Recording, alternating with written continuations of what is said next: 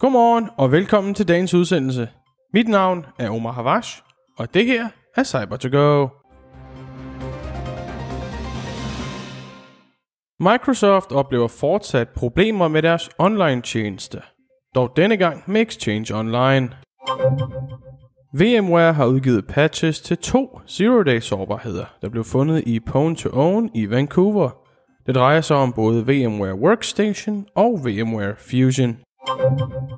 Google har udgivet en opdatering til deres Authenticator-app for både iOS og Android. Den lader brugere kæde deres MFA-koder sammen med deres Google-konti og bruge dem på tværs af enheder. Det er dine tre nyheder for den her torsdag, og efter dem får du som altid en lille vejrudsigt. Microsoft er i gang med at efterforske problemer med Exchange Online. Tidligere på ugen kunne vi berette, at søgefunktionaliteten var et problem på visse Microsoft 365 tjenester. Men nu er der et større problem for brugere i Nordamerika, for de kan nemlig ikke gøre brug af Exchange Online for at tilgå deres e-mails. Det bekræfter Microsoft i en udmelding på Twitter. Når brugere forsøger at logge ind, får de enten en fejl, eller bliver sendt tilbage til login-skærmen. Fejlen, har TechGigant bekræftet, berører kun nordamerikanske brugere. Mere info kan findes under navnet EX564390 i Microsofts 365 Admin Center. VMware, der står bag VMware Workstation og Fusion, har udgivet sikkerhedsopdateringer, der patcher zero-day sårbarheder. Det drejer sig om to sårbarheder, hvor i den første er for stack-based buffer overflow. Den findes i Bluetooth delingsfunktionaliteten, hvor aktører, der befinder sig lokalt, kan eksekvere kode som den virtuelle maskines proces på hostmaskinen. Den anden er en Information Disclosure sårbarhed, også med Bluetooth. Men her er den relateret til Bluetooth-enheder tilsluttet den virtuelle maskine.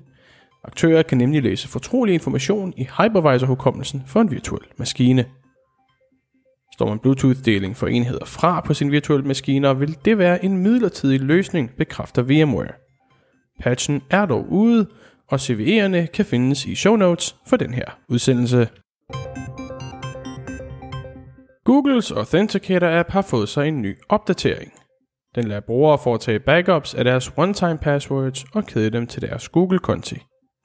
Så kan brugeren nemlig også have MFA-koderne på flere af deres enheder, i stedet for kun på én, som man ellers kender det fra andre authenticators.